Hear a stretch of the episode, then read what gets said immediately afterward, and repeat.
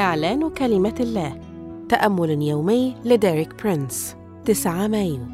كل النعمة تكفي وتزيد. هذا الأسبوع يشرح لنا ديريك برينس أن يسوع حمل فقرنا لكي نشاركه في فيض غناه.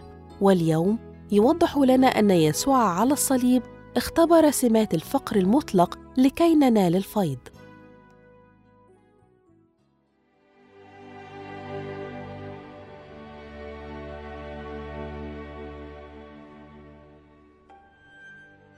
لخص موسى النبي سمات الفقر المطلق في سفر التثنية 28 العدد 48 والتي تتمثل في جوع وعطش وعري وعوز كل شيء إذا متى افتقر يسوع من أجلنا؟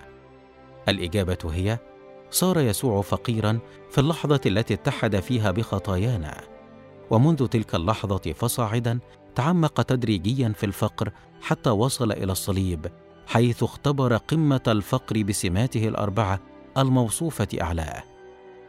يجب أن تدرك أن يسوع على الصليب لم يختبر الفقر روحيا فقط، كان أيضا فقر جسدي ومادي.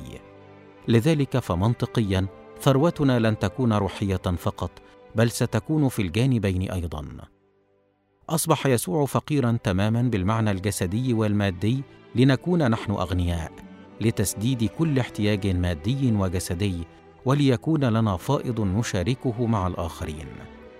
يدعم هذا المقطع من رسالة كورنثس الثانية تسعة العدد ثمانية حقيقة أن يسوع تحمل لعنة الفقر حيث يقول والله قادر أن يزيدكم كل نعمة لكي تكونوا ولكم كل اكتفاء كل حين في كل شيء تزدادون في كل عمل صالح.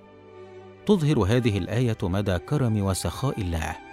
إنه يتجاوز مجرد الكفاية ويرفعنا إلى مستوى الفيض حيث يوفر لنا أكثر من حاجتنا لكي نقدم نحن أيضا للآخرين. ففي هذه الآية تجد كلمة الازدياد مذكورة مرتين يزيدكم وتزدادون. وكلمة كل تظهر خمس مرات كل نعمة كل اكتفاء كل حين كل شيء كل عمل صالح فماذا تصف تلك الكلمات تصف نعمة الله ومن المدهش أن تجد الإصحاحين الثامن والتاسع من رسالة كورنثس الثانية يتحدثان عن المال والكلمة المفتاحية فيهما هي النعمة. لقد ذكرت كلمة نعمة سبع مرات في الإصحاح الثامن ومرتين في الإصحاح التاسع. إنها النعمة التي تعمل في مجال المال، ومع ذلك كثيرين ممن يدعون فهمهم لطبيعة نعمة الله هم في الواقع لا يدركون عمق معنى الكلمة كما ذكرت في الكتاب المقدس.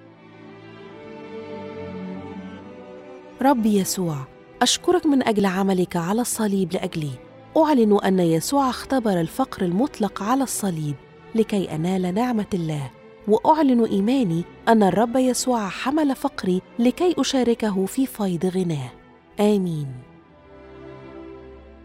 للمزيد من الكتب والعظات لديريك برينس قم بزيارة موقعنا www.dpmarabic.com